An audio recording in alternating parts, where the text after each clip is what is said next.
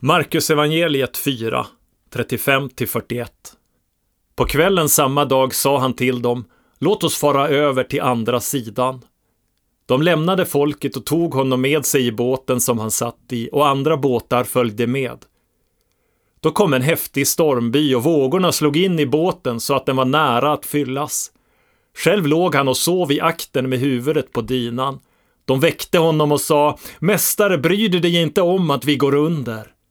Han vaknade och hutade åt vinden och sa till sjön, Tig, håll tyst! Vinden lade sig och det blev alldeles lugnt. Och han sa till dem, Varför är ni rädda? Har ni ännu ingen tro? Då greps de av stor fruktan och sa till varandra, Vem är han? Till och med vinden och sjön lyder honom.